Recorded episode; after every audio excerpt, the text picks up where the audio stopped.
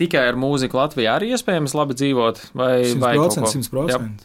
Daudz spilgti piemēri, kas to dara jau šodien. Jā. Un ar reperu vairāk, es domāju, galīgi nesūdzās ne par Jā. ko. Jā.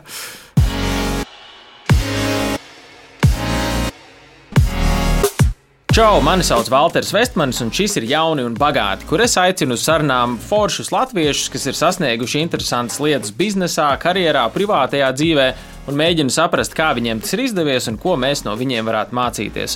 Un šodien pie manis ciemos ir Ozols. Mēs runājām par to, kā Latvijā pelnīt naudu ar mūziku, kā Ozols ir veidojis dažādus biznesus, kā viņš ir gājis cauri uzskēlojot ļoti daudz veikalus, downskēlojot apkaļ uz mazākiem, kā viņš ir atgriezies mūzikas pasaulē un daudz, daudz citas interesantas lietas. Nu, čau, Ozola! Paldies, eh, paldies, ka esi ieradies! Forši! Ei, čau, visiem, čau! E, kur, eh, ar ko es gribēju sākt? Vai tu atceries šī tādu teštēli? Jā, jā, jā. Tas bija, tas bija diezgan uh, apjomi, apjomi bija diezgan iespaidīgi priekš mūsu mazā reģiona. Uh, tie apjomi, ko mēs tajā laikā realizējām šim konkrētam zīmolam, viņš bija um, patīkami pārsteigts. Tas nebūtu pat īstais vārds mm. priekš, priekš tā laika. Mēs Denim bija šeit tāds jauniešu vidū numur viens, viens no populārākajiem zīmoliem no 2004. gada, kad mēs iesākām, kad Eiropas, Eiropas Savienība deva mums iespēju strādāt ar visu Eiropu bez, bez nodokļu sistēmas. Cik nodokļu sistēma Schengens valstīs vairs nebija vajadzīga, bija šis brīvais tirgus. No tā brīža es ar šiem džekiem satikos. Viņi atbrauca speciāli uz Rīgu. Mm -hmm. Viņi zināja, kad, kad mm, ka es kaut ko ar savu zīmolu daru. Man tad 079 bija vēl aktuāls. Tas bija 2003. gada laikam beigas vai 2004. gada sākums, bet tajā brīdī mm, jau bija principā. Veikals jau bija sen aizvēries, un viņi nāca klāt un parādīja man savas drēbes. Jo vienmēr, principā, ja tu kaut kādu mazumtirdzniecības klients meklē, tad baigi būtiski ir braukāt pa pasauli un to darīt. Un es tajā laikā, principā, ļoti daudz nodarbojos ar mazumtirdzniecību no 2004. gada līdz 2010. gadam. Tad Berlīnē bija tāds ļoti liels pasākums reizes pusgadā, mm, bread and butter. Tur bija sākot no no-name brandiem, beidzot ar superlieliem brandiem un kaut kādas 5, 6 lielas halles, bet nevis tādas kā skonto halles, bet tādas ļoti interesantas, ar interesantu noformējumu. Tās halles bija teikt, tādās tā kā mākslas akadēmija, tāda tipa telpās vai tādās, ja mēs noliktavu domājam vārdu, tad kuru kādu noliktavu varētu pretī nolikt Rīgā nav tik smukas tādas formas, telpas Rīgā. Nu, tur bija tāds baigais, tāds eh, iekšā jūtams, tāds eh, labs noskaņojums. Un, principā, mēs ar, ar, ar šo zīmolu diezgan cieši strādājam, 5 gadus, jā, 5 gadus, 6 nostrādājam. Mēs vēl joprojām ar viņiem strādājam šo, ar šo konkrēto izplatītāju. À, bet viņi... bet eh, konkrēti ar šo, ar šo brendu vairs ne, jo šis bija šis cits laiks, kas diktē bišķiņ citus noteikumus. Redz, viss ir notiekās.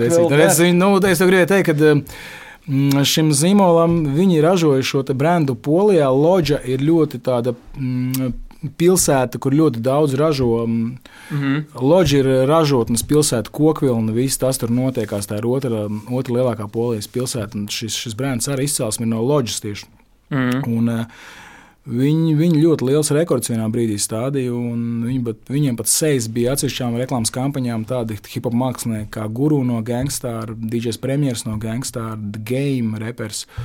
Un kvalitāte viņam arī bija ļoti laba. Mēs viņam daudz pastrādājām. Viņam pašam zīmolam, jā, jā, zīmolam viņam, jā, jā, viņš ah. viņi ir ļoti daudz māksliniekiem strādāja. Nu, viņi, nu kā, kā, tas jau viss ir elementāri, ko, ko nevar nopirkt par naudu. X to var nopirkt par naudu Y, un ja tu esi, kā saka, nu, apģērba biznesa, es atceros, cik mēs apgriezām šeit, Latvijā. Tad, ja mēs skatāmies, cik viņi tur apgrieza 40 miljonu polijā un vēl rietumē Eiropā, viņiem visu laiku grūti gāja. Uz masu var arī paņemt. Nē, nu kā, nu, tu jau vari jebkurai, tu jau principā, ja tu nezini, vai tu to zini, tu jau jebkuru reperi arī var ierakstīt dziesmu. Tas tikai jautājums ir, jā, nu, pat vai, cik, pat cik jā, un vai tas beigās tu neizskatīsies kaut kā, nu, jo, nu, tas viss ir, ja tas nav dabiski, tas ir nopērkams, bet ja tas ir nopērkams, kā tas izskatās kopējā kontekstā. Man liekas, Fakts, ka ne, ne labi. Jā. Mm. Bet nu, tas, ka zīmols ļoti daudz populārs sejas vienmēr popularizēt caur cilvēkiem šis sociālās, sociālais konteksts. Un, jā. jā, jā, tas influenceru impakts jau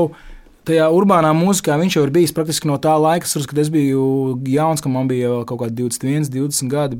Bija, bija tāds šķirstāms žurnāls The Source. Mm -hmm. Tas, principā, bija ļoti liels arī impakts uz maniem un iespējas uz to, kā tur, principā, kustējās lietas un notikās. Tur, principā, tik līdz tu esi liels vai slavens Amerikā, tad šis tev uzreiz ir savs rekordlabels vai savs zīmols, vai, vai tu esi kādam citam zīmolam seja.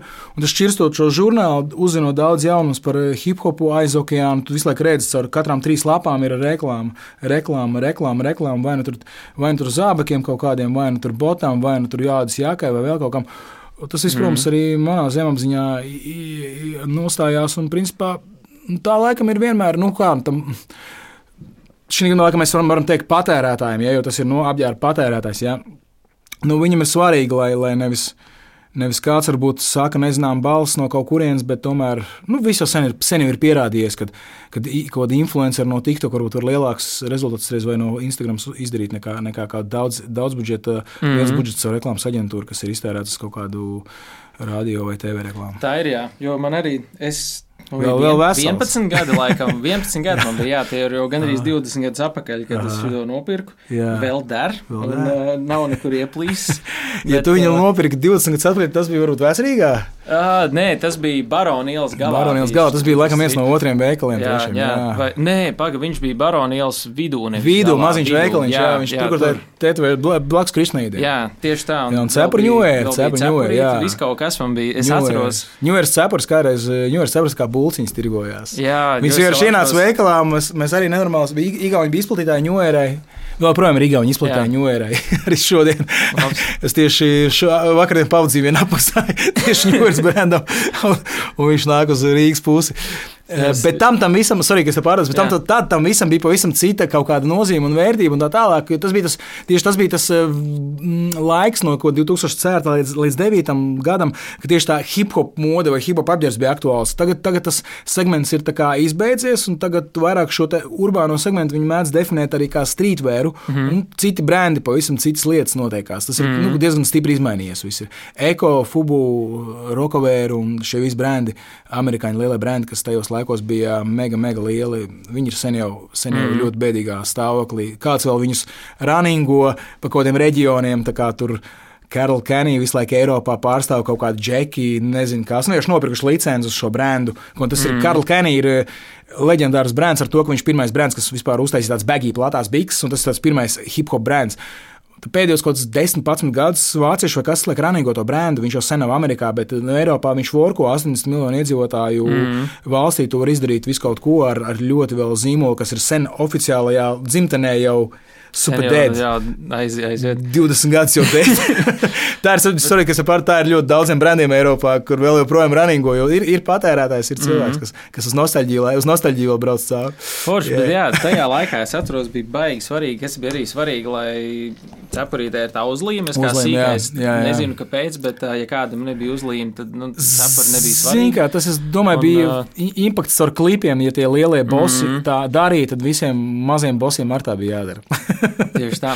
Man gan īstenībā sirdī uh, visās pankroks un metāls gan ir tuvāks, bet man yeah. bija kaut kāds laiks, kad uh, Fiftiks un Slipknots man bija divi, divi. mīļākie izpildītāji. Kon konkurēja savā starpā. Jā, un tad, uh, tad bišķiņi bija pa vidu Jay-Z un kaut kādas tavas jā. dziesmas, jā. bet uh, Jay-Z, man liekas, arī nonāca tikai tādēļ, ka viņam bija Collision Course albums ar, ar Linkin Park. Ar Linkin Park jā. Bet, jā, jā. Uh, jā tā, teiksim, Tu biji arī starp tiem, ko es uh, agrāk mm. klausījos, bet vairāk gan 11. gados, kad jau uh, ne pašos pirmsākumos, bet pirmsākumos pats bija vēl. Nu, Maziņš, jā, jā, bet, jā. Uh, bet tā forši.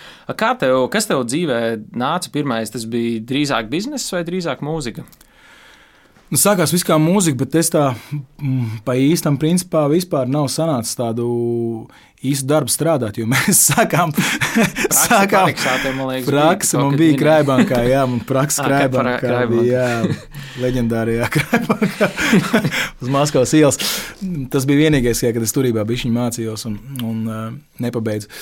Un, uh, Principā nē, no sākuma es domāju, tas, nu, tas ir angļuiski tas vārds passions, kā tas latviešu pareizi tulkojās. Nu, Zinu, aizrautība. Aizrautība, jā, jā, jā, aizrautība, jā. Un aizrautība beigās, šī konkrēta aizrautība, ir ļoti piesātināta ar tādu cilvēku grupu, kas kaut kā redz, ka ar to var kaut kā šo aizrautību var, nu, tā labā nozīmē pārvērst arī kaut kādā materializēt viņu kaut kādā veidā. Mm. Un, no materializēšanas, no nu, sapņu kaut kā var palikt lieli, var palikt ļoti lieli, var palikt pretīgi liela vai tīzla liela. Jā, visam ir visam savs robežas, jāsaprot, kāda ir vērts apstāties. Un tā tālāk. Mm -hmm. Principā mēs sākām spontāni. Mēs nu, kā viens čels piedāvājām mums taisīt hip hop pasākumus. Nekur, ne, ne, nekur neskanēja hip hops Rīgā vispār, nevienā klubā. Bet mēs jau jutām, ka viņš paliek liels. Un mēs vakar, ja, vakar, vakar pasākumā tas ļoti sliktā, ļoti vietā, mērķa lielā, kur daudz apkārt visu laiku tāds, nu, visu laiku jāskatās, jā, kas tur būs, kas tur nebūs. Bet mēs vakaros bijām, kad viss jau bija nomierinājies, un mēs taisījām, sākām taisīt pasākumus. Mēs vienkārši ienākumus ņēmām no, no ielas biļetēm. Klub, klubs bija tukšs pēc mums. Viņiem savukārt ir atkal, wow, bārs ir packed. Mm. Tas bija viens, un tad ierakstījām pāris dziesmas, palikām, palika populārs ar rajonu, ar vēl dziesmām, sāk braukt apkārt. Tad mēs tā darījām, kad naktī braucam no vakarā braucam uz koncertu un atstājam kāds savus cilvēkus X Rīgā, kas jau to klubu sāk kustināt. DJ, tad mēs braucam arī uz to klubu, nomainam viņus, sākam spēlēt. Principā mēs eh, diezgan labi pīķi tā vācām kopā. Un, tā tas viss baldien turpinājās. Un tad notiek tā, kā es teicu, šķirstītos žurnāls, amerikāņi. Tas notiek, tas mhm. mums atstāja kaut kādu iespēju, ka, ka tur var kaut ko vēl darīt. Un vienmēr ir apģērbs, e, bija vienmēr ir no laika gala, ka mēs ar Grupu Faktu jau darbojāmies. Mums arī bija nozīmīgi tas, kā mēs izskatāmies uz skatuves, kā mēs arī ikdienā izskatāmies. Jo tas man šodien nav tik aktuāli. Ikdienā, kā es iztos toreiz, braucot uz centru, es, kurien, es ļoti nopietni padomāju. Tev bija. Jā, ļoti, ļoti nopietni padomāju. Vai pie šīm biksēm konkrēti tur, nu, tā, es tur neiešu ne, ne, tādās, galībās, kas tajā manā galvā notiek. Un principā tas kaut kā savienojas ar to, ka tā lieta patika, un tad uh, mēs ar, ar to Citi sāk ticēt uh, mums, kā kādam flagmaniem, kad rekur, viņi, to, viņi to labi dara. Nu, varbūt viņš, rekur, viņš arī sāk drēbes taisīt. Viņš noteikti tās drēbes, un tās drēbes sāk patikt visiem. Un visi sāk mm. teikt, jā, tās drēbes ir krūts. Vai arī to atver kaut kādu jau retail veikalu, kur tu esi mazumtirgotājs, tu tomēr uh, to atlasi jau taisi tu konkrēti. Es arī labi brīžiem tur biju, kad es zināju, ka var pārdot pašu vēlnu. Tas vienkārši klikšķināja iekšā tikai tajā preorder B2B lapā. Jā. Nu, biznesa to biznesa lapas tā saucamās, mm. kur ir admin, admin panelī tur iet. Tas vienkārši tā, nu, klikšķināja vienkārši skatos bez to summu. Cik nu, ok. À, Mē... kā no vairumtirgotājiem? Nu, jā, no vairumtirgotājiem ļoti daudziem vairumtirgotājiem jau nu, ērti ir, ir platforma, kurā tu vienkārši ātri uztaisīji to orderi, ka nav Excel fails jāpild. Zinām, no Excel fails ir Excel faili ar bildītēm, forši ir Excel faili bez bildītēm. Tu kodus sit iekšā internetā, meklē, kā tas izskatās, analizē. Uz baigi viss ir sarežģīti. Man, protams, patīk, kad ir B2B biznesa type of lapa, kur tā mm. tu ieej ātri, ieej savu panelī, ātri uzsūti un e-pīpē bambus, kas saka tālāk, ej savas lietas darīt. Tā pieredze ir bijusi dažādi. Vēl projām ka gadās vēl šodien ar Excel failiem strādāt, ar, ar failiem Excel, kur pat nav bildīts iekšā. Mm. Bet, mhm. nu, principā, bet, jautājums bija precīzi. Tas bija kā, kad, teiksim, tev likās kaut kādā brīdī, kad mūzika būs pa īsu, un tāpēc sāki vēl kaut kur skatīties, vai tas ir. Nē, tas vienkārši organiski likās, ka nu, es tagad esmu šeit un būtu grēks kaut kā kaut ko nedarīt vairāk. Mm. Es jau neizdomāju, kā kaklots pēkšņi taisīt vai rāliņu taisīt, jā, bet tas bija tieši tas, kas visvairāk identificē to cilvēku grupu, to segmentu. Un tas kaut kā varēja saprast, ka tam ir ļoti liela kaut kāda savā subkultūra radījusies ar miljonus brandiem. Savu žargonu, savām kaut kādām krāsām, apģērbu, mm -hmm. pat saviem izmēriem un vispār. Tas ir kaut kā nenormāli konkrēti nodefinējies. Tam ir nenormāli liels kaut kāds sekotāju pulks, Vai šeit viņš būs vai nebūs, to, tas bija, protams, gamblings. Bet pašam iekšēji bija tas, ka, nu, ja tu neprovēsi, tad nezinās. Tā jau, principā, ar daudzām lietām notiek arī šogad, kad es arī arēnas koncertu taisīju. Nu, tas ir tāds, nepaprovēs, nezinās. Nu, Un tas... nebija arī pieņemta tajā laikā nu, nekāda cita vieta, kur viņiem nu, tos apģērbus pirkt. Nē, nē, nu, bija, jā, bija kontrafakts, bija fakes. À, jā, bija, fake jā. tirgoja, e, e, eko-fake tirgoja pie, pie Larokas, atceros. Uh, un, un vēl kaut ko, bet mēs paši braucam pie viņa čaļa un šūām. Un uh, Gustavo jau tur savas lietas bija sācis šūt, es tur savas lietas šūmu, mēs tur šūvām diezgan daudz. Bet šūšana un tas viss ir nenormāli. Saprot, tev vajag šito detaļu, tev vajag šito detaļu, tev vajag šito detaļu. Mm -hmm. Un tev to katru detaļu vajag. Tev neviens nepārdos piecas skniedzes, pat labi. Tev vajag uzreiz desmit, tu, tu gribi savu nobrandot ar savu mazu šādu te teiksim, kā uzspiest tev virsū. Ja? Tev uzreiz pateiks, Ķīnā vai kur. Tad mierīgi mēs tev varam uztaisīt no desmit tūkstošu taisam. Nu, tev tas viss ir jārēķina. Ja? Nu, Tā kā tev, tev, tev baigā tiek niedīts tāds nopietns kniedz ar visiem uzrakstiem. Jā, nu, ot šāds kniedz kaut kur uztaisīt. Mēs kaut ko tūlīt varam uztaisīt Alibaba, iegulēsim Alibaba, parādīsim. Viņš pateiks, vai džeki, tā esam, tā esam no 5 štuks, tā esam, nu, tā esam štuku vai 2 štuks, mm. -hmm. nu, citai vajag tik uztaisīt. Uh, saprot, pašam uztaisīt baiku, lai viņa ir konkurētspējīga pēc cenas un pēc vizuālā un pēc visa tam, ko džeki ražo Ķīnā. 1000 gabalos, vai 2000 gabalos, vai 3000 gabalos, vai 10 000 gabalos. Tas ir ļoti grūti. To var mhm. darīt, bet tas ir ļoti grūti.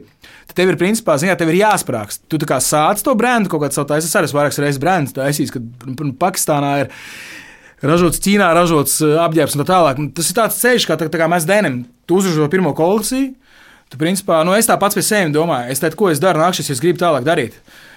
Man ir viss, man ir, jā, ja man ir jāpaņem mašīna, man jākāp par tiem visiem sampliem iekšā mašīnā, man jāsarčo visi Eiropas veikali, visi retaileri, kas manā segmentā strādā. Man jāklāj pie viņu durvīm, jāsaka, sveiki, te ir ģirts, esmu es jauns brands no Rīgas, Latvijas. No Rīgas, Latvijas. Zinu, mums te Berlīnē ir 50 brandi lokālie. Ķirs no, Berli, no Līgas Latvijas. Nē, es saprotu, tu vari, tu vari pārliecināt viņu, bet tam ir jābūt kaut kam wow.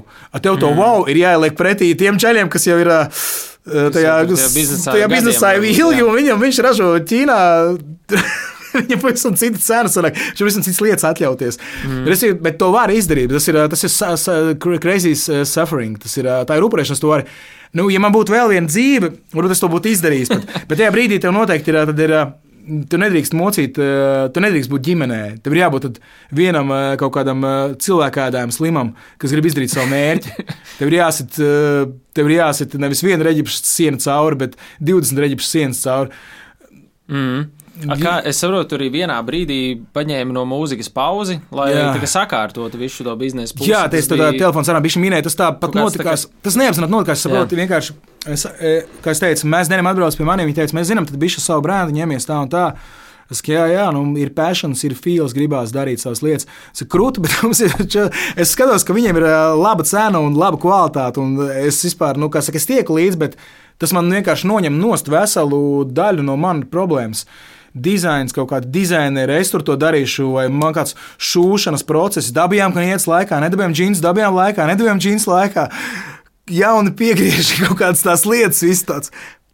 nu, come on! Uh, vai Džeks atnāk ar ka tev vienkārši ir jāpārdod vēl tālāk cilvēkiem. Un Un tu saproti, ka tā iepirkšanas cena ir tik eh, laba, ka tu vari atļauties uzlikt arī pietiekami lielu labu cenu. Un, un tā tad vienkārši sāk, un es atvēru vienu veikalu, viņš bija veiksmīgs, atvēru otru veikalu. Tādā ķēdē aizgāja, bez tie bija jau, es biju aizgājis līdz.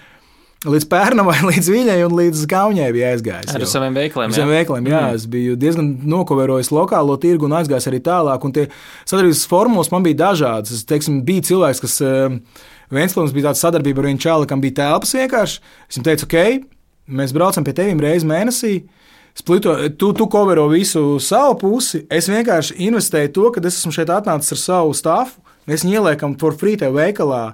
Nu, vienkārši saprotu, pēc mēneša uztaisām inventarizāciju, realizējam, kas ir pārdevies. Uh, splitojam inkamingu uz tik un tik procentiem un visu. Nu. Mm. Uh, tās formulas bija dažādas. Bija Jēkabīlī džeks, kurš palika bez kaut kādiem 5, 6, 7, 8 keimam parādā. Vienkārši pazudu ar galiem mm. zem ūdens un viss. Uh, bet lielāko daļu es pats tomēr to visu runningoju, bija kaut cilvēks, man palīdzēja ar inventarizācijām, to visu veikalu. Bet mm, es vienmēr abrīnoju tos, kas, kam varbūt kaut kāds tīkls. Tas viss var būt ļoti. Nu, tam visam, protams, ir apakšā. Tad ir ļoti sistēmai ļoti lielai jābūt. Uh, bet, mm. nu, tā, visas inventarizācijas, viss tas pārējais, tas ir baigais, heavy part of, of, of, of kā saka, sapņa, smaga, sapņa smagā pusē ir tas viss, to visu nu, čekot. Un, mm. nu, zin kā. Mm, Senāk, kā bija tev, tas bija apzināts lēmums, bija viņa iepauzēt ah, mūziku vai jā, vienkārši, vai vienkārši auga? jā, vienkārši auga, bija auga, tas viss auga, jā, tas viss auga un tas es nevarēju būt um, produktīvs abās pusēs. Jā. Un man tajā brīdī arī bija kaut kāda pašam tāda, man pēdējais albums, kas iznāca 2003. gadā, tas bija albums Dūzis. Viņš bija komerciāli samērā mm, neveiksmīgs. Viņš bija, mēs paši domājam, ka tas ir ļoti labs saturisks albums, bet viņš kaut kā iznāca konkrētā brīdī, kad uh, ap maniem tā interese zuda. Vēl Gustavs tie panči, no, uh, kas tika ieslapoti manī, jā, tie arī noteikti not, nospēlē ļoti lielu lomu tajā visā. Un, principā man muzikālā karjera tā kā, tā kā kārša namiņš tā lēnām mm. sabruka. Bet um, es kaut kā da, nedabūju dabūt to kaut kādu depresiju, kā varbūt kāds mūziķis, kas tikko ir ziedējis tur augšā, bijis, bijis zenītā, un tu, tu nokrīti pelnos un nevienam nesvajadzīgs. Mums bija tie diši, visu laiku hip hop pārtīja. Mm. Katru nedēļu, pat trim, četriem pārtījiem, katru nedēļu mēs maucām Rīgā. Tur vienā spotā, otrā spotā, un visu laiku mēs kešojām entrance. Bārs bija klubam, mēs kešojām entrance. Un bija arī brīži, kad es pats jau nomāju telpas, bija Urban Lounge, kad es mm -hmm. pats taisīju savu jau spotu, kur bija mans bārs un, un vispārējais. Un tā tālāk. Un, uh, Un tā mēs darām. Principā man ne, nesanāca tāds kaut kāds būt tāds morāls, morāls sitiens man, jo tā lieta man kaut kā visu laiku kompensē. Es zinu, rīt jāatceļas, kur pienāca tur vēl viena paudzīme, pienāca tas, pienāca tas, ejam, splitojam, apģērbtu, sūtam uz turieni, sūtam uz turieni, darām to. Tev nebija laiks, kad raudāt par nu, to karjeru. Tipa, nu, karjeru ir, karjeru nav. Mm. Un tad tā lēnām es tā kā atkopos, atkopos. Bet tad pienāca tas pats 2008. gads, kas bija tā lielā krīze smagā. Es līdz tam jau biju daudz sapratis, ka, teiksim, tu vari taisīt liels rāviens un būt uh, spilgts pamanāms kaut kāds veikals, kaut kādā konkrētā arī nelielā Latvijas pilsētā, bet ilgtermiņā, lai to runningotu, ceļš, laiks, viss. Uh, tas baigi daudz maksā. Dzīve ir tikai viena, laiks ir mm. tikai tik, cik ir. Un uh, tajā brīdī tu laiku vēl neskaiti, bet tagad, tagad es laiku daudz vairāk skaitu. Jā, un tā tālāk. Un, uh, tad saprotu, ka nav vērts to turēt. Vai arī tu turi, tad tam ir baigais 100 km turieni, jāaizbrauc 200 uz turieni, 300 uz turieni, jānoķer kaut kādas kameras, kur tur kas ir kaut ko darījis vai nedarījis, un tā tālāk. Tas ir baigais tev laika pressings, un kā tu vari tajā brīdī būt vēl kreatīvs un rakstīt mūziku un dziesmas. Nu, tas Jā. diezgan ir uh, hard. Un, uh, un tad pienāca krīze, un es pirms tam jau biju baigi minimizējis visu. Man praktiski bija um, tikai centrālais lielais veikals. Um, Stērps un ģērbtuves stūri, jā, kas bija trijos stāvos. Tur bija sketchups lejā, otrā stāvā bija džekus stāvs un trešā stāvā bija meiteņu stāvs. Tas mums bija tāds tā kā centrālais. Super huge šovs priekš tā laika, kaut kas tāds sevis, lai garām tam spotam. Es domāju, man vēl piedāvāja kaut ko arī viņu nu, iegādāties, to mm. visu ēku un tā tālāk. Un es domāju, vajadzēja, vajadzēja riskēt, vajadzēja, vajadzēja maukt. Vajadzēja, nu, es, es tagad arī vienu centrā, uh, vien ir viena ēka krūta kur ļoti, ļoti manam konkrētam segmentam piestāv namu. Es, es jau tādu būtu viens, bez ģimenes. Es strogu viņu nopirkt, mm. to dēku. Nu, uh, bet man visu laiku viss atrunā. Tā kā priekš kam tev nevajag, tipa, nu, tipa, relax. Viss ērti dzīve. uh, jā, viss ērti. Bet man, man gribās to statement un to momentu, ka tas būtu kaut kur centrā tāds uh, nu, diezgan. Jā, un, un tad, principā, es paliku tikai ar to vienu vietu, un arī lēnām kaut kāda mūzika sāku, arī palika laiks mūzikai, tad lēnām skačāju augšā mūziku, parādījās jauni kolēģi, jauni domu biedri, tur kurts nātrē, ar viņiem es izdevu mikstē par nātru konkrēti, pēc tam ar kurtu un nātru konkrēti vēl neatkarība albums. Mans 2009. gadā iznāca, tas bija vairāk arī tāds um, um, monologs no manas puses, kad um, dari kaut kur citur, cash lietas, atstāja mūziku tīru. Mm -hmm. Tāpēc viņš saucās neatkarību, un viņš principā uz to arī tendēts ir. Un tad, un tad vienā brīdī tāpatās es teiksim, tās telpas īrēju visu, un tad eh, man bija eh, tāpatās iekšā tāds eh, visu laiku. Kad, kad vajag more independent būt, vajag more independent būt. Un tad es nonācu līdz tam, ka es vienā brīdī vairs netērēju naudu blakus. Esmu palicis super maziņš, bet tas viss pieder man, viss ir mans. Un, un principā ar ļoti minimāliem izdev, izdevumiem es no 13. gada tagad veikalam Hūčup šī gada ziemā, tieši šajā brīdī, desmit gadu dzimtenī svinēsim. Jā, paldies. Mm. Tā kā principā es tādā savā rutīnā dzīvoju, ir vēl blakus man bizīši arī tagad es arī vienu mazo lietiņu blakus um, taisu, remontēju, kas arī taisa ar, ar apkalpojošo sfēru saistīta. Es neminēšu pagaidām, kas tas mm. ir un ko tas ir. Principā tādas nelielas lietas, jo es arī vairs Negribu gal, kalns gāzt, es negribu. Jā, tu senāk izklausās tāds labs ceļojums, iestartējās ar mūziku, tad tādu uztaisīja diezgan lielu biznesa impēriju, tad noskēloja atkal zemē un parādījās laiks vairāk uz mūziku. Jā, jā nu es, es, tā, tā impērija arī bija tā liela, bet pēc tam arī viņa lēnām bišķiņi arī bruka, jo nāca lielie visi, zin kā, tam hip hop apģērbam vairs nebija tik liels impakts. Mm. Nāca iekšā H&M, nāca iekšā Zāra, visi jaunie modes sāk nākt, visi jaunie, kas Ņujorkers sāk nākt iekšā, visi tie, viņi principā arī to urbāno segmentu izmantoja diezgan nopietni, tikai, nu, ar visu citu saturu, citu mm. message un bišķiņi caur savu prizmu.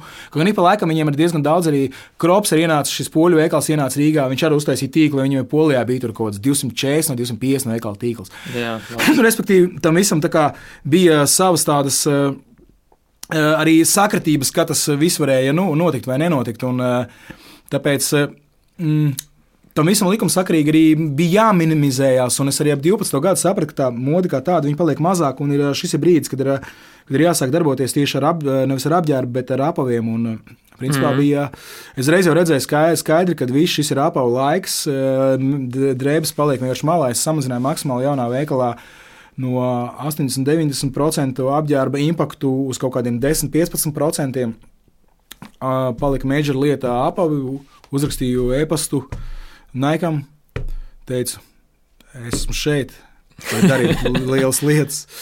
Viņi man noticēja, un tā mēs desmit gadi esam sadarbības partneri vēl joprojām. Tas viens no tādiem maniem lielākajiem arī partneriem tieši Baltijas Nike pārstāvniecībā. Tas beigas labs, kā tu kā nonāci pie tādas stratēģijas. Es vienkārši pats redzēju, kas notiek. Tieši, kas es, skatīties, kā saka, es jūtu, kas būs next big thing. Un mm. te vēl tā sneaker kultūra ap 13 gadu vispār bija zero. Un, jā, tā kaut mm. kas sākās tikai, tikai sākās. Un, un tad uh, īstā Kā? laikā, īstā brīdī gadījos būt. Jo nu, parasti visbiežāk jau tā ir, kas pirmais brauc, pirmais maļ, un pēc tam ir vēl vairāk kaut kādi konkurenti arī gājuši tajā iekšā segmentā. Bet, uh, tur arī jābūt bērnam passionam. Tur nevar būt vienkārši tā, atnākt investors, nomest naudu uz galda un teikt, es redzu, šeit, šeit viss notiksies. Tur bija jābūt arī labā nozīmē stulbam. Nu, Mm. Viņš jādzīvo ar to visu. jā, nu jā, lai zinātu, kas ir tās lietas, kas ies, ko pirkt, ko likt tajā veikalā, ko nelikt. Jā, zināmā mērā vienmēr jau, lai tas cik banāli neizklausītos un tā tālāk. Tu, skaidrs, ka tu neesi kaut kāds lielais bizīts un tā tālāk. Jā. Tur arī tur nepaliks no tā bizīša kaut kas nenormāls jā, vai kaut kas liels. Tu vari, protams, to visu ķēdi attīstīt un tālāk, bet tad ir jābūt kaut kādai atbilstošai valstī. Vai arī maukt uz citu valsti. Es saku, ja tu ja dzīvo, varbūt otrais dzīve, es varbūt no visiem abstragētos, no visiem saviem apkārt. E, nu, ģimenes locekļiem un, un mauktu tādu nu, heavy, heavy, bet tas ir heavy road. Tas ir, Es to, es, to, es to naudu neizjūstu, to iz, izjūstu tikai nākošās paudzes.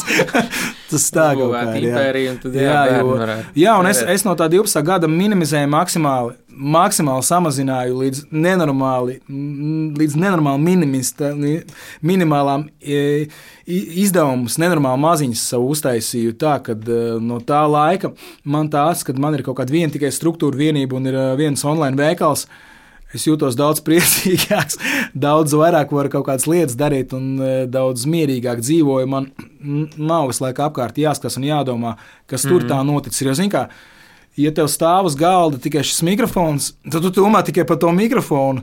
Ja tev stāv uz galda šis mikrofons, šī krūzīte, tas, tas, tas, tas, tas, tu vienkārši, nu, tu jau mēģini visā nu, analizēt, kas tur tā notiekās. Kas, un vienkārši mm -hmm. tas baigi tevi, tu, tu esi, nu, tā kā es bēstu, es tā kā veca, veca lupata, kas, kas grib, nu, grib jau it kā labāko vēlmi, tu kaut ko gribi, bet tas ir, nu, tas ir, tas mm. ir visiem grūti, gan tev, gan visiem pārējiem, kas tev apkārt ir. Jā. Kā ir uh, atgriezties mūzikā, tad, kad tev bija nu, tas bizness nostabilizēts? Nu, tagad es pieņemu, ka uzreiz parādījās arī vairāk brīvs laiks, kaut kāda tāda stabilitāte dzīvē. Jā, tas arī, protams, bet tas kaut kā vispār tā baigi viens otram gāja roku rokā, jo uh, Es kaut kā uh, sapratu, ka kaut kā gribēju ierakstīt jaunu albumu kaut kādiem baigiem konkrētiem plāniem, bet sanāca tāds ieraksts, kas izklausās tāds bišķiņš tā kā 80. gada skanējumā. Un tajā laikā vispār 80. 80. tieši mode, tas retro, retro wave saucamais, nāca baigi iekšā kaut ko 12, 10, 13 gadu. Un, un, un DeLorean bija tā viena no tādām, tādām status mašīnām, kas tā vislabāk atspoguļo to visu 80. gadu vilnu. Bija tāds mūzikas produkcijas no Niklausa. Mēs izdomājām, ka jābrauc uz, uz, uz īriju, uz Belfāstu, kur bija tieši ražotne šīm mašīnām, ka tur var iznomāt šo mašīnu. Jo tālāk no Belfāstas jau problemātiskāk un dārgāk to mašīnu iznomāt, jo tas ir tas epicentrs, kur viņi ražoja, lai pēc tam sūtītu uz Ameriku tās mašīnas. Tur tāds smags stāsts par to visu ir. Nezinu, vai tu zini par to mašīnu, DeLoreanu un par to cilvēku DeLoreanu. Es Visu to stāstu stāst, nezinu, garo, nezinu. Tas ir viens no īstenībā iespaidīgākajiem okay. stāstiem. Tā kā es sanāku YouTube pasties. Jo nu, beidzās viss ar to, ka viņi arestēja FBI par kokaīnu Labs. Man, viņš, nu, viņš tā kā nepadevās līdz pēdējiem, gribēja, līdz pēdējiem gribēja to rūpnīcu nepazaudēt. Viņš pilnīgi bija gatavs uz kaut kādu kokaīnu darījumu, lai, lai tikai saglabātu šo rūpnīcu Belfastā. Labs. Jo viņa bija investējusi īrijas un, un, un UK governments kaut kāds 80 miljonus bija investējuši tajā viņa, viņa, viņa, viņa projektā. Jā. Kas, viņš pastāvēja divus gadus projekts. Krut. Jā, mēs to mašīnu tur aizbraucām, nofilmējām, jo tas bija tas dzimtenē mašīnai, ka viņi domāja, bija amerikāņu tirgumu. Nofilmējot šo dziesmu, sākām lēnām vienkārši virzīties. Man parādījās kaut kāds menedžments, man parādījās ticība, ka tas varētu būt. Kādam cilvēkam vakar parādījās ticība, ka tas varētu būt. Man bija tāds pirmais menedžments, cilvēks bez maniem kaut ko bija gatavi iesaistīties. Tā mēs lēnām soli pa solim cēlāmies augšā, uztaisījām 15. gadā izdeva albumu, 15. gadā atpakaļ nākotnē uztaisījām pirmo koncertu uz 400 cilvēkiem, pēc tam gadu vēlāk jau uz kādiem 600 cilvēkiem, tad tur uz 700, 800, 900 un tā tas viss līdz kamēr nonāca 19. gadā es uztaisīju pirmo savu lielo koncertu.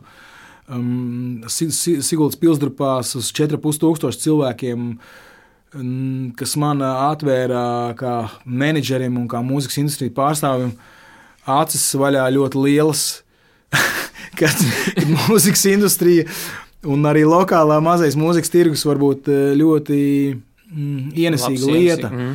Ja, ja tu nes, ne, neap, neapkraujies ar simts nevajadzīgiem eh, menedžeriem, un eh, ja tu neesi rokstārs, kas tikai uzkāpjas skatuves un mm. notrinkšķina.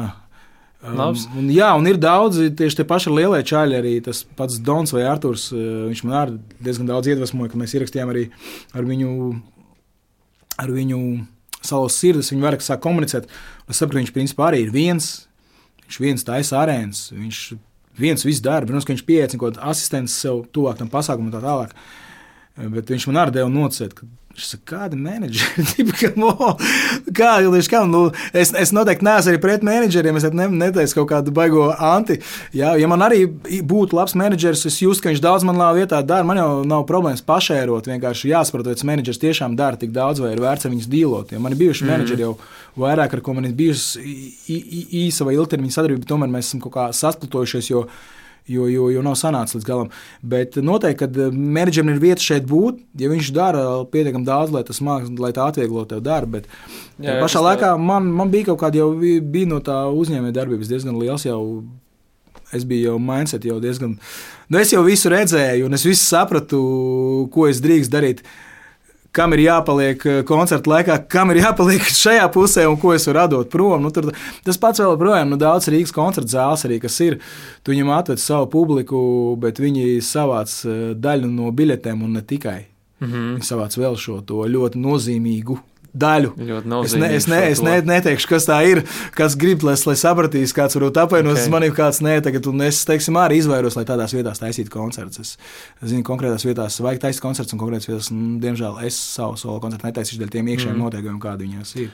Tas ir ļoti interesanti klausīties, jo, nu, vispār, ka tev bija tā uzņēmēja darbības pieredze, un ka tu atnāc atpakaļ uz to mūzikas pasauli ka tu te, esi tikai sapratis, ka tu pats vari šausmīgi daudz ko darīt. Un uh, pretējais, kas man galvā nāk, būtu, ja cilvēks, piemēram, ir uzaugusi tikai mūzikā, viņš varbūt uzskata sevi par lielāku mākslinieku un liekas, ka, nu, vai. Vai viņš ir pārāk augstu, lai darītu tās menedžeriskas lietas, tas... vai viņam liekas, ka būs sarežģīti? Nu, tur viss kaut kas. Es domāju, visādi varbūt viņš ir introverts, varbūt viņš ir ļoti liels, skaists komponists. Mm. Teiksim, arī nu, grupa Kosmos, tas pats Jānis Šepkevičs. Es domāju, ka viņš ir ļoti liels komponists. Un viņš var atļauties, ka viņam ir menedžers, un viņš man liekas, ka nav tāds, kas tur ieda vai tur tu, tu, jā, jā, jā, bet es domāju, ka viņiem tāpat ir viss kārtībā. Viņi visi ir ļoti labā saka, situācijā un tā tālāk. Mm -hmm. Es domāju, tas atkarīgs ir no segmenta, kur strādā. Nu, Hipops ir tāds, ka nu, vienkārši nu, e, es sev nenostādu nevienā brīdī, kad es esmu tas ozols, kas tur sa, salasīja arēnu. Es zinu, ka e, es pēc tam ielicu pēc arēnas busā iemetām iekšā, iemetām iekšā tajā busā močus, un es viņus aizvedu prom, un es vēl daudz ko aizvedu prom. Uh, Tā ir tā lieta, ko tā, es. Zin, kā, es jā. zinu, ka tas bija man jāizdara, un mēs to izdarījām. Tas viss, ne, ne, man, man pat nebija varbūt, grūti kādu nolgot tam visam, bet nesanāca. Man to vienkārši nu, nesanāca, kādu tur pieaicināt vai ko.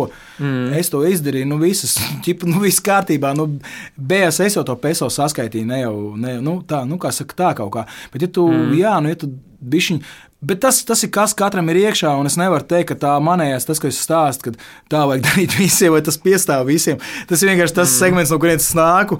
Tas ir tāds, tāds hip hops, ir tāds, tāda lieta, kur, nu, kur, kur, kur nu, tas, viss, tas viss tam piederās.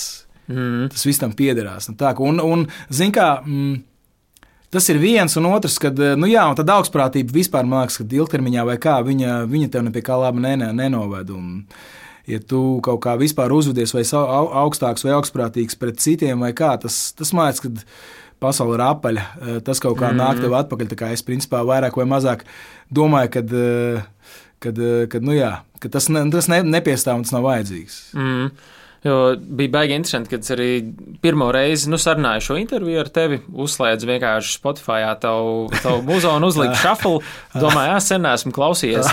Un man tieši iekrita šī dziesma sapņotājs, un tā man vienkārši uzrunāja. Es nezinu, jo viņi ir nu, tiešām pa tādu haslošanu un darīšanu, kur nu, kāda dzieda tu esi sapņotājs, ok, un es arī šodien sekoju jā. tiem, kas rītdien uh, skatās sparīgi. Nu, kad jā, jā. visu laiku tev vajag kaut ko darīt, kaut ko jā. domāt, un viena frāze, kas man visvairāk tur divas. Patika, es, es viņu baigi smagā īstenībā brīdī savā dzīvē yeah. uzrakstīju to dziesmu. Es viņu rakstīju, man bija tāds diezgan, diezgan liktenīgi notikumi priekšā, kas varēja kardināli slikti priekš maniem mm. izvērsties. Jā. jā, jo tiešām tā dziesma kaut kā, es nezinu, tā iepatikās. Es uzreiz jā. iemetu favorite listā. Jā, un... super, prieks dzirdēt. Jā. Tā dziesma īstenībā man kaut kādā kopējā kontekstā. Man baigi daudz nozīmē, jo es uz to brīdi, kad viņu rakstīju, man tur aiz stūra bija tāds melns, liels briesmons. Es tā kā sēdēju, domāju, nē, nē, man ir jāuzraksta ķipa tādā čilā. Ķipa tā kā, nu, un, tas bija tāds priekš maniem diezgan liels pārbaudījums, tīri kā brīdī, kad tev ir blakus lietas, kas tavējo pamat, pamat baigi nogurdina un uh, baigi sita vārā no sliedēm, tev bija jābūt kreatīvam, neuzrakst uz foršu. Bet, laikam, mm. kā saka, caur, caur smagām lietām arī nāk tās labās lietas, jo, ja, ja, ja tas baigā komfortā, tu nevari vairs neko izdarīt foršu. Nu, neuzrakstīt. Zikā, daudz jau saka, ka nu, repā ir tā galvenais teiciens, ka tev jābūt hungry, tev jābūt mm. izsalkušam. Tiklīdz tu neesi izsalcis To baigi var dzirdēt, to baigi var redzēt. Mm. To baigi ir svarīgi saglabāt un nepazaudēt. Baigi, nu, man dažreiz sanāk pašam apzināti sev darīt kaut kādas, radīt Ielikt kaut kādas sliktās situācijas. Nu, sliktās situācijas, bet kaut kādas barjeras priekšā. Sliktām situācijām, paldies Dievam, es vispār esmu uz jūs jau no kaut kāda 12. gada. Man kaut kā um, nav ne ar, ar likumu, ne ar ko, paldies Dievam, nekādas mm. vispār saistības. Es, es vienkārši pats iekšēji sevī ar kaut kādu filozofiju dzīvoju, kad dari mm. maksimāli labi un eh, tīri visu, kā saka, nu, tīri tā ziņā attiecies pret visiem eh, maksimāli, un tas, tas, tas atmaksāsies. Mm. Man var sanākt tā, ka tas ir eh, tikai atmaksājies. Mm. Jā. Bet jā, baigi forši. Es pēc tam arī klausījos visādas vēl citas tavas dziesmas un baigi. Tā, nāk cauri tas, nu, tas hasls, tā darīšana, tas aicinājums vienkārši, vienkārši strādā un yeah. sanāks. Un yeah. Tas man kaut kā personīgi baigi uzrunāt tāds personīgo finanšu himnas savā ziņā. Jā, patīk tā frāze. Nu, jā, nu, tas tur ir tāds visā, tas ir tās čempions sajūtas, tas ir, nu, viss tāds, tāds, mm -hmm. tādi slogani vai tādi moto, viņi ir par to, ka do your thing. Jā, mācās, mācās iekšā. Jā, labi, frāze ir jābūt jā. dzīvē tikpat daudz ambīciju kā filmā ar krustāvam. Jā, nu jā, tas tāds, kas saka, labs, labs, labs. Labs tēlēns, labs tēlēns tēls, kas, kas domāju, arī daudz iedvesmo. Noteikti. Tā kā, tā kā kaut kāda no mīļākajām filmām. jā, jā, jā, jā. Nu, te filmai ir, jā, protams, savi, savi kā saka, es te, es runāju par vispār par to segmentu un par to kaut kādu biznesa daļu. Nesen noskatījos to filmu Griselda. Nē, es redzēju. Tā ir Griselda Blanko. Tā ir viena no tādām nozīmīgākām un lielākām Miami kokaīna pušotājām 80. gados, 90. Bet, zināt, tā filma patiesībā rāda par to, nu, tur bija pasakot, cik viņi tos miljardus apgriezīs bet filma nenormāli labi parādīja um, to enerģētiku, kas viņai visu laiku apkārt bija, un uh, kādu enerģētiku tā nauda nesa, un ko tas viņai dzīvē nesa, ko tas viņai maksāja veselību, ko tas viņai maksāja ģimeni un tā tālāk. Respektīvi, zināmā mērā, jebkurai naudai, jebkurai baigi jāpadomā, kāda, kāda tai naudai ir enerģētika. Mm. Tas ir baigi svarīgi. Un tajā filmā, tā filma ir par viņu, bet patiesībā tā filma ir, es domāju, ka tie producenti un visi parādīja to, cik, cik daudz visu laiku tā sieviete, viņa ir galvenais boss Miami bet viņai ir daudz non-stopā problēmas. Viņai jaunais gads stroga pēc stundas beigsies, dzimšanas diena stroga pēc stundas beigsies, jo būs kaut kāds zvans, kaut kas atkal tur notikās, kaut kas ir atkal. Nu, mm -hmm. Respektīvi, ir visu laiku, un tu beigas tā, un tur ļoti spilgti parādīts tas, ka nu, tu esi laimīgs, ja tev, tev, tev, tev tur ir miljoni vai triljoni, beigās tev savāca mazā motelī mm, kopi. Un, kad mm. tu mhm. gāji ārā no džēla, visus tos trīs dēlus nošāva kaut mēnesi vai divus pirms iznākšanas, lai tas tev viss būtu vēl sāpīgāk, un lai tev varētu sāpīt. Jo viņi bija ļoti nežēlīgi, tā sieviete. Mm. Viņi tur visus konkurences šāva nostur. Nu, viņai pēc tam arī par to nācās samaksāt. Bet eh, tā filma, nu, tā filma ir uz, balstīta uz, uz īstiem faktiem. Mm. Tā ir īsta, reāla. Mm, Reāla sieviete no Kolumbijas, kurā, kurā, kura iebrauca Amerikā un sāka haslot, jo viņas vīri iepriekšējo to bija darījuši Kolumbijā. Uh, Tur nevienā filmas brīdī viņa nav laimīga vai pasmaidījusi. Tā filma ir sešās sērijās. Tā ir ļoti laba filma, ko es jums ieteiktu. Noteikti nu, ieskatīt visiem tiem, kam, kam liekas, ka ātri vai viegli nauda nes laimi vai viņai laba enerģētika. Mm, tā ir, ir tā arī nav, tā ļoti nav. interesants stāsts par uh, tādu Sam Bankman Fried, kas bija FTX, tās kriptobiržas viens no dibinātājiem. Mm. Varbūt dzirdēts, varbūt mm. nē. Mm. Uh, tagad rudenī iznāca par viņu ļoti foršu grāmatu, mm. saucās Going Infinite. Mm. Un tur arī ir viss tas stāstījums, kā viņš uzauga. Nu, principā no nekā līdz vienam no bagātākajiem cilvēkiem pasaulē, un mm. kā tas viss vienkārši sabruka šausmīgi ātri. Mm. Un, uh, man vienmēr ir licies interesants teiciens, ka daudzi saka, ka nauda nesmird. Nu, nezinu, man liekas, ka uh, ir nauda, kas smird. Un, jā. Uh, un ir īpaši tāda, kas ir nu, tāda pārāk ātra un uh, pārāk ātra, viegla. Viņa, viņa arī, tu saproti, man liekas, tie cilvēki, kas tieši, zināmā, ja tu esi tādā grūtā ceļā, to nopelnījis to naudu, tu zini, ka daudz tev tas maksājas. Tu samērā arī adekvāti uzvedies. Ja tev tā nauda ir atnākusi ātri un viegli, cik Cik nu, visiem parasti norauga pauri, vai vairāk vai mazāk ir redzēts. Nu, tā, tā, tās iznākums parasti ir. Nu, Plus mīnus pa vienu līniju. jā, un tie paši, kas sportloto vinē kaut kādus lielos džungurus vai ne. Jā. Tā statistika ir ļoti nežēlīga. Tur, tur praktiski lielākā daļa, 95 vai cik procenti tas džungurs to they started. Ir prom, jā. back to where they started, un tur viens ir vienkārši nopūties, viens ir vēl kaut ko izdarījis. un, tīpa, nu, uh, tāds krūts producents, kas um, 2000 gadījos gadu laikā radīja visus super singlus, beatus, tur Candy Shop, Next Episode, Scotts Storch. Mm -hmm. Viņš bija beatmakers, kuram Billboard topā bija vienā brīdī, ap 2000 gadu, kādas 20, nu, 20, top 20. Viņam bija kaut kāds 11 dziesmas, kur viņa mūzika bija. Mm, viņa bija money flows bija nenormāls. Viņš aizbrauca vienā Lasvegasā, vienā vakarā, vai cik tur 70 ļāvis, vai cik nomačīja. nu, beigās viņš bija galīgi broke. Nu, Bēs viņš galīgi brauka, un tad viņš lēnām atkopjās. Jā, bet tas ir tas, tas stāsts, kad kaut kas notiek uh, neadekvāti, jā. ātri vai pārspīlēti, labi. Tur jābūt kaut kādiem super, tad Nerviem, ir jābūt kaut kādam super cilvēkam, jā, jā tur jābūt ir baigi daudz kaut kādiem cilvēkiem apkārt, jo, ja tas bijis baigi viegli un tā, tas, ka tu noies no ceļa, ir, man liekas, ka nu, statistiski noteikti ļoti liela izredze, mm. ir, kad viss beigsies slikti. Tā ir. Rekur, tev īstenībā ir cik es esmu dzirdējis, vairāki nu, ienākuma avoti. Tev ir uh, veikals, tev Jā. Publiski koncerti, gan jau privāti koncerti. Jā. Es zinu, kaut kādā privāti laikā. ļoti daudz. ah, ok. privāti zinu, ļoti daudz. Jā. Es zinu, arī kaut kādā laikā tu dīdžejoji vēl. Jā. Uh, kā te, tas tev bija arī kaut kā strateģiski salikts kopā, vai, vai viss vienkārši kaut kā notika? Lēnām pumpējos, jo man vienmēr patikusi mūzika kā tāda, man paticis apģērbs.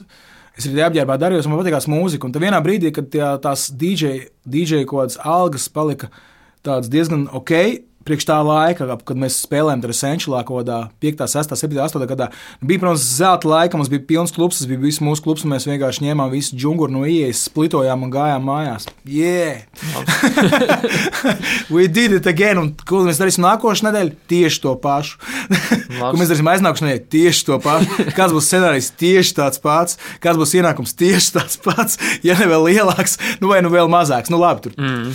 Jā, un Bet tie bija tie Wild 2000. Un, uh, pēc tam nāca, kad jau lielie klubi atvērās, un viņi arī Viņam sāka patikt hip hops, viņi sāka spēlēt hip hop, bija tur klubs Push, bija Essentials, bija vēl daudz citu klubu. Un tad mēs kā rezidents spēlējām, viņi samērā piedāvāja samērā adekvātu mm, samaksu. Man tajā brīdī arī manam muzikālā karjera bija super lejā man nekas nenotika. Es izdevu arī diezgan undergroundīgu albumu, kas saucas Neatkarība, kur es runāju par to, ka kad, eh, kad nekāda radio-friendly single, nekas, eh, mm. I do my business, un te būs mūzika. Un nestāstiet man, ko vajag un ko nevajag mm. darīt. Eh, kā saka, nebojāsim mūziku, tur no sērijas tāds konteksts bija tam visam.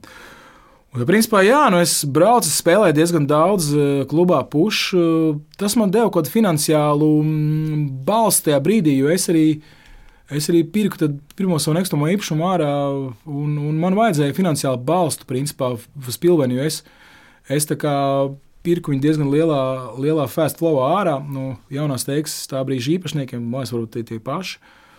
Un, un principā man bija ekstra, ekstra jebkas, es kā saku, nu, rokas darbā nebija, nebijās mm no sērijas. Tāds bija tas, tas, tas, tas, tas konteksts, bija tāds, ka es gribēju ļoti īsā laikā aizslēgt visas kaut kādas saistības finansiālās, lai es pēc iespējas ātrāk varu kaut ko Nu, ja darīt. tas brīvs, jā, jā, viss, jā. jā, jā, jā, Un, jā. piemēram, ja tu tagad skaties kaut kādiem jauniem džekiem, kam nu, viņi sāk muzicēt, sanāk, uh, ir tev kaut kāds padoms vai ieteikums, ko tagad darīt, ko nedarīt, vai balstīties tikai uz mūziku, vai mēģināt jau kaut kā sasplitot tos ienākumu avotus. Es domāju, ka varbūt, ja ir kaut kāda iespēja kaut kur ieinvestēt, varbūt vajag ieinvestēt. Tas pats kaut kāds nekustamais īpašums, viņš jau nekad nepaliks uh, lētāks. Viņš vai nu paliks tāds pats, vai nu bišķiņi nokritīs kaut kādā konkrētā brīdī viņam cena. Mm -hmm. Vai nu kā, nu, zin, kā kust, kustāms īpašums ir kustāms īpašums. Tu izdzen foršu mašīnu pa 100 keju viņa no, no, no salona, viņa pēc četriem, pieciem gadiem vairs maksā tikai 40 keju. Nu, mm -hmm. Vienkārši vajag padomāt, kur to naudu investēt, nodarboties ar kaut kādu mazumu tirzniecību, vienalga kādā segmentā arī, jā, bet tas ir baigais dedikācijas, tur jābūt lojālam komandai, lojālam tīmam, tas ir baigais mm -hmm. brain investments. Tas baig daudz tavu laiku un prasīs, lai tas tā tiešām, lai tu jūti, ka tā nezinu, vai tā ir kafejnīca vai kas, vai tu ienāc un tiešām jūti, ka tur tiešām dzīvo tas īpašnieks, un viņš patiešām tur tajā visā ir iekšā. Nu, Tu vajag tam visam būt apdzīvotam. Tas nevar būt ar iznomāts telpas ar flīzēm un iekaramiem eh, griestiem un ķipat teikt, mēs tā atvērām jaunu kafejnīcu. Jā. Nu, jā, tam visam jābūt kaut kā baigi ar, ar, ar, ar iekšā, ar, ar, ar dvēseli, lai cik tas varbūt banāli neizklausītos. Mm. Jā. Ja tas tā nav, tad tu, man liekas, ka visi filo un tas arī nestrādā. Un, Mans spots arī ir super, super kā saka, hide, hide, most, most hidden place in the city, bet visu, visu laiku atrod un visu laiku flowo iekšā tajā spotā.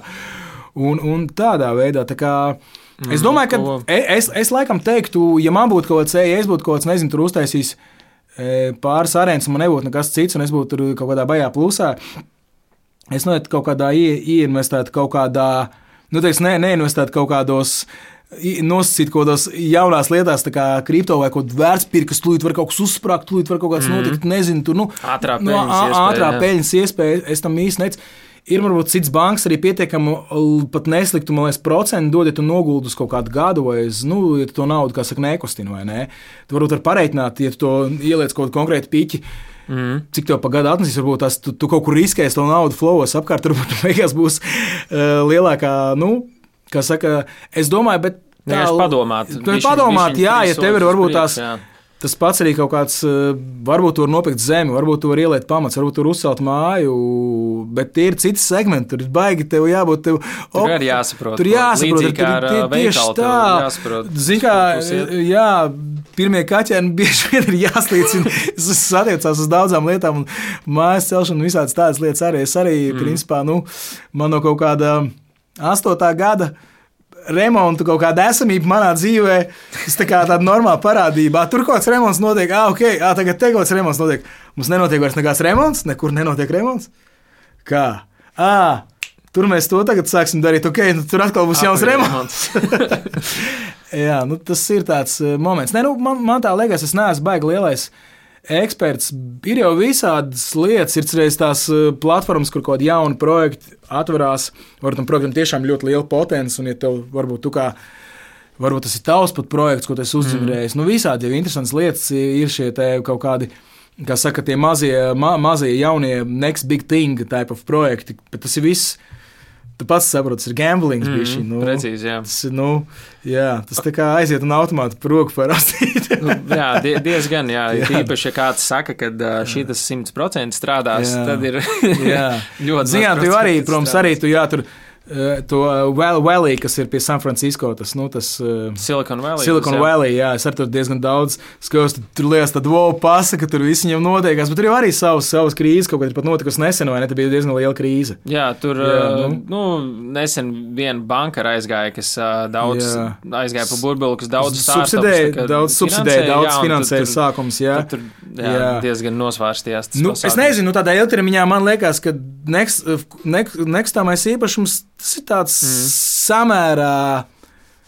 Nu, Ja, variants. variants, Vienkārši jā, variants, jo, ja tu vienkārši zeķē to visu tur, tad ir tāda, kā saka, katru gadu nu, pieaug tā saucamā. Mm. Nu, Inflācija. Inflācija, jā, elementāra inflācija. Tev tā 100 dolāri mm. pēc gada vairs nav 100 dolāri, tie ir 96 dolāri. Nu, nu, Jā, piemērs, precīzi nu, tā arī ir. jā, nu. Tur ir tur tāds Jā. interesants skaitlis, tā kā, ja tu zini ā, inflācijas procentu, paņem 72, pieņems inflācija ir 3%, 72 izdala ar 3, tik gados tev nauda zaudē pusi vērtības. Nu, jā, un tagad tas jā, ir kas uh, 7 dalīts 3, tur 20, 24 kaut kas tāds, laikam, sanāk.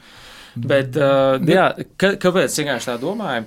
Um, kā arī strādā vispār mūzikas pasaulē, visi tie royalties un streaming biznesi, jo tikai tev karjeru tā var staigāt, vienu brīdi uztaisīt singlu forši, tad pazūd, tā kā atnāca, tad pazūd. Uh, Sanāk arī kaut kādus fiksētos ienākumus dabūt caur visādiem Spotify un tam līdzīgām lietām. Protams, jā, nu kā, jebkurš koncerts, kas ir, kas ir publisks, uh, organizatoram arī man, kā CIA Urban Closing, kas organizē Ozola pasākumu, ir jāizņem licence no AKLā un jāsamaksā par koncertu. AKLā, kas savukārt paņems tik un tik procentus, jo viņi pārstāv Ozolu Un viņi to uzlūmu ir atskaitījis. Saprotat, saprat, skaidrs. Okay, rekur ir Sija Urban Closings organizē koncertu. Rekur ir Ozols. Ozola pārstāv Akalā. Mm. Akalā viņa tie, kas uh, iekrā, ie, ie, teiksim, visas autortiesības mm. atlīdzības no Ozola autortiesības uzskaita. Viņi atnāk pie Ozola, saka, Ozola, tu taisi koncertu. Izņem lūdzu licenci par koncertu, un, kad tu paveic koncertu, iesūt atskaiti, un tad mēs tev piestādām rēķinu. Tu samaksā šo rēķinu par Ozola uzstāšanos mēs ieturam savu procentu par apkalpošanu. Mm. Un tā nauda aizies uz visiem autoriem, kas tajā visā ir projektā bijuši. Ne tikai Ozols, tur ir citi autori daudz. Un tā, principā, no katra Jā. koncerta ir eh, šī autora atlīdzībai jābūt. Ir, jo, nu, cik tas skatās, cik. Mm, Cik uh, akalā ir uzmanīgi vai neuzmanīgi, cik daudz seko līdzi. Mm. Un tā tālāk. Tā kā, un ja, sanāk, ja, sorry, ja tu esi teiksim, pietiekami aktuāls un liels eh, čalis, un, un, un, un, un tu daudz turē, daudz koncertu, tad tev diezgan normāls čičingi ienāk. Nu, tāds Raimons Pauls, es domāju, vispār ir boss. Jā. Viņš ir boss, viņam, viņam autora atlīdzībās tur čičingi ir diezgan kreizi. Es domāju, es domāju viņam ir normāli. Es, ne, es negribu pārspīlēt. Es domāju, viņam ir. No autora atlīdzībām man tā liekas, viņam varētu katru mēnesi ieslīdēt Es nezinu, bet Kods es domāju, ka 6, 5 cipari. Vai... Es domāju, ka 4, 5 cipari. 4, mm -hmm. 5 cipari ieslīd. 4, 4 cipari skaidrs, stroga viņam ieslīd. Stroga. Tad nav slikti. Nē, nav, nu, viņš jā, arī jā, ir viņš ir boss. Viņš jā, ir boss. Who got the keys of the city? Raimons Pauls. We got a t-shirt. Nu, Tad uh, sanāk arī katrai no visiem Spotify, no visām, ja kāds cits tavs dziesmas spēlē, tad arī tev nu, vajadzētu. Jā, nu, bet es vairāk tieši no koncertiem, jo arī tas ir kaut kāds, jo vairāk arī, teiksim, ir biļetes uz tā koncerta tirgos no tālāk, jo lielāks ir tas incomings. Ir. Bet, protams, arī no streamošanas, no royalties, no streamošanas, arī no Spotify un tā tālāk. Mm. Tev ir, es ar distrokīdu savu, savus, izplatu savu mūziku. Es biju pamanījis, ka es caur Sony Music atsevišķus trēkus izplatīju, kad man bija ar Sony Music sadarbība. Es redzu, ka ar Sony Music man bija daudz uh, labāks royalties, jo viņi ir caur Somiju, viņiem ir cita likme. Mm. Viņiem liekas, ka labāks deals ar Spotify. Un, ja mēs ejam independent, kā tagad, it kā es tur ieejam independent, faktoru lielos brandus, jā. I'm independent. Es pats mm. zinu, ko es daru, es zinu, kad es gribu darīt un ko es gribu darīt. Man nav jāgaida ne divas nedēļas, ne trīs nedēļas, kad ir jāizdod singls un tā tālāk. Uh, Bet tam ir tam atkal ir savs visāds moments. Jā, lielie, lielie, lieliem ir cits deals. jā, jā, nav slikti. Bet arī. Uh, arī, arī ar Spotify. Lielie, lielie, nu labi, Latvijā ir viens, bet, eh, teiksim, tādās lielo, lielās valstīs, tu ko, tur Spotify royalties ir, tas ir liel, liels, liels mm. kumos no kopējā konteksta. Arī jā. šeit tas paliek arvien nozīmīgāk. Labs. Jā. Un tad, teiksim, kā teikt, tikai ar mūziku Latvijā arī iespējams labi dzīvot? Vai, 100%, vai 100%. 100%. Forši. Es domāju, daudz, eh, nu, daudz spilgti piemēri. Kas to dara jau šodien? Jā. Es domāju, es nu, to pop, pasauli nezinu daudz, tāpēc jā, popmūzika un reperi vairāk, es domāju, galīgi nesūdzās ne par jā. ko. jā, jā cool. es domāju, ka noteikti. Un uh, es zinu, ka tev tā mūzika, tavs bizness, tās ir visdrīzāk tavs lielākās investīcijas, bet tu kaut kur arī vēl ārpus apzināti domā, ka, kur kā investēt brīvos līdzekļus. Es domāju, ka nē, es esmu jau uzbūvējis tā, ka es praktiski, praktiski esmu independents un man, es negribu vienkārši iet kaut kādos lielos riskos, un mm. es, negribu, daudz, es negribu daudz riskēt.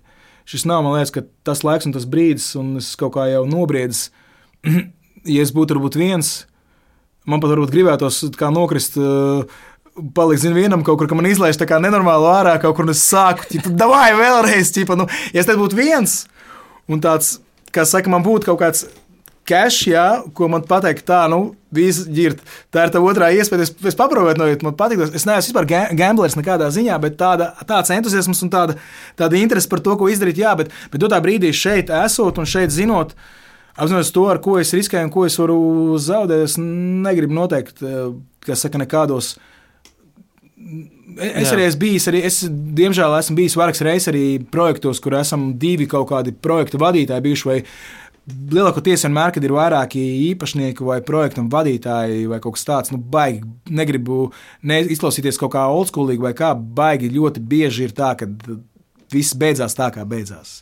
Mm. Es nezinu, varētu procentuāli pāranalizēt. Noteikti ir lielās kompānijas, kur, protams, ir savi investori, tam tur pieder tik procenti, tam pieder tik, nu tur liela kompānija, viņi tur monopols vai kas tur, viņi nevar zaudēt. Vai, nu, ja tur ir šādāk, viss mēneša beigās apmēram sakaukulē, saprot, jā, tur ir viņiem kopējā balsošana, viņi tur nobalso par tādu projektu vai to. Tas ir viens līmenis, bet ir otrs līmenis, ka tu esi kaut kādā mazumtirdzniecībā vai kādā Mi, Tādā mazā uzņēmumā. Mazā uzņēmumā un ietrīt kaut divi mm. vai trīs īpašnieki. Agri vai vēl būs.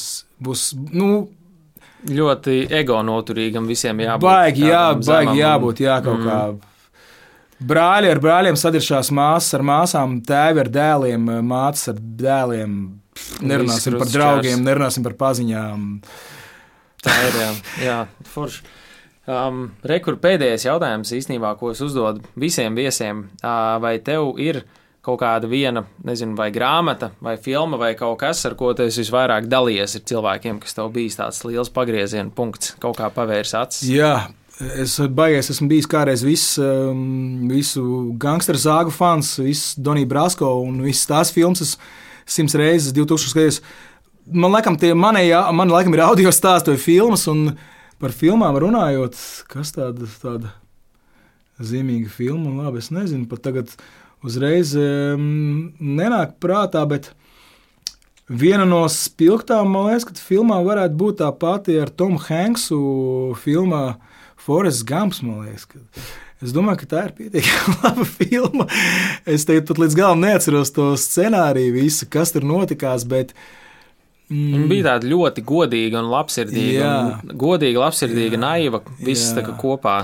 Pēdējais, kas man ļoti iespaidojas no filmām, ir tieši tas, noskatījis pārsnēs atpakaļ tieši filmu Grizelda. Par Grizelda Blanko, par šo sievieti. Tas ir, tas ir oriģināls stāsts Netflixā. Un tas parādīja to, vai, vai, vai, vai nauda beigās dara tevi laimīgu, un vai tev kukuha neaizbrauc beigās vienkārši. Mm -hmm. Uh, es daudz mm. filmas skatījos, uzreiz tā nenāk prātā, bet noteikti no filmām vispār no tāda radošā viedokļa filmas jau ir gan tādas spēcīgas, gan emocionālas, gan tā tālāk. Gribās parasti negribās tās sāpīgās filmas, kas par to, par to pašu sunu, kurš, kurš tajā pieturā gaida to savu saimnieku. Entos gadus aizmirsu, kādā filmā saucās. Nu, tas laikam tāda nezinu, nezinu, tas ne. katru dienu gāja viņš uz darbu ar sunu, suns viņu pieturā gaidīja. Jā. Viņš nomira. Un tāpēc tam tas suns kaut kādu gadu gaidīja tajā pieturā. Nu, ir tās visas hārdās filmas, kas, protams, tev kaut kādā dod life lessons un tā tālāk. Bet filmai man liekas, ka ne, vajag life lessons arī, bet forši tā ir izklaide. Un man patīk, kad ir kaut kādi. Um, Kad ir twisti, kaut kādi twisti, kāds, eh, teiksim, Tarantino ir ļoti atsaldēts čels, kurš uzliek tur tādu twistu tajā Tas filmā, ka, ka vienkārši, oh, ok, tīvziņā. Un tā, nu, jā, kas vēl no tā, nu, jā, šis tēmas Visas vecās Danīro, Alas Pačīno filmas, tur entās, eh, Skorsēzes, visas tās vecās filmas. Un, jā, bet noteikti kaut kādam jābūt kaut kādam learn lesson stāstam arī filmās. Tā es, es, Es... Arī bieži vien ir, ko tu pats no tā paņem. Jo jā, tā kā varbūt jā. es klausos tavu dziesmu, paņem vienu lietu, jā cits cilvēks paņem kaut ko citu, kurā brīdī Jā. tu to skaties, kā tas tev uzrunā. Nu, man patīk, ka twistedi scenāriji arī tie paši latviešu džeki, kas uztaisīja šo pašu filmu, citi par viņu tur negatīvi izsakās. Man liekas, viņa diezgan krūta filma, šī kriminālā ekscelence. Jā, jā. Nu, man patīk, tur tie twisti tik daudz ir, tur tik daudz tie visādi momenti ir, ka tu.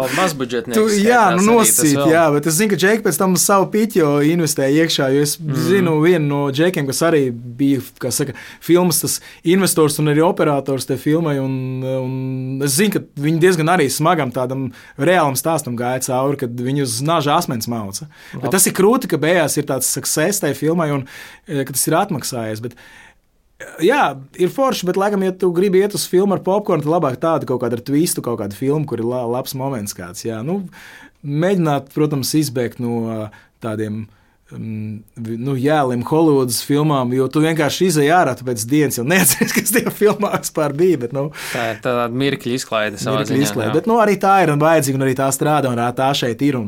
Ir ļoti liels uh, cilvēku patērētāju daļa, kas, kas, kas to. Jo, nu, kā dienas beigās jau cilvēkam vajag kaut kādu mazo, mazo prieciņu. Kino ir viens no tiem maziem prieciņiem. Taisnība. Lūk, ja cilvēki grib vairāk par tevi uzzināt, kur tev piesakot, kur tas aktīvākais? Piesakot at Ozē mūzika Instagramā, at Hoodshop Instagramā vai arī kāds at Hood arī Instagramā. Šīs tās, šīs tās trīs struktūra vienības, ar kurām es visvairāk esmu pārņemts vēl tagad viens cita lieta arī manā dzīvē nāk iekšā, tā ir arī saistīta ar apkalpošanu visu, bet tur es uh, savai sievai došu vairāk vaļu, pats es esmu vairāk tur kā investors. Mm. Tā kaut kā. Forši, tā tad ir jā. investīcijas privātajā biznesā, tas tavs lauciņš. jā, jā. nu, super, liels paldies, ka atnāc, bija ļoti forši. Paldies tev. Cool.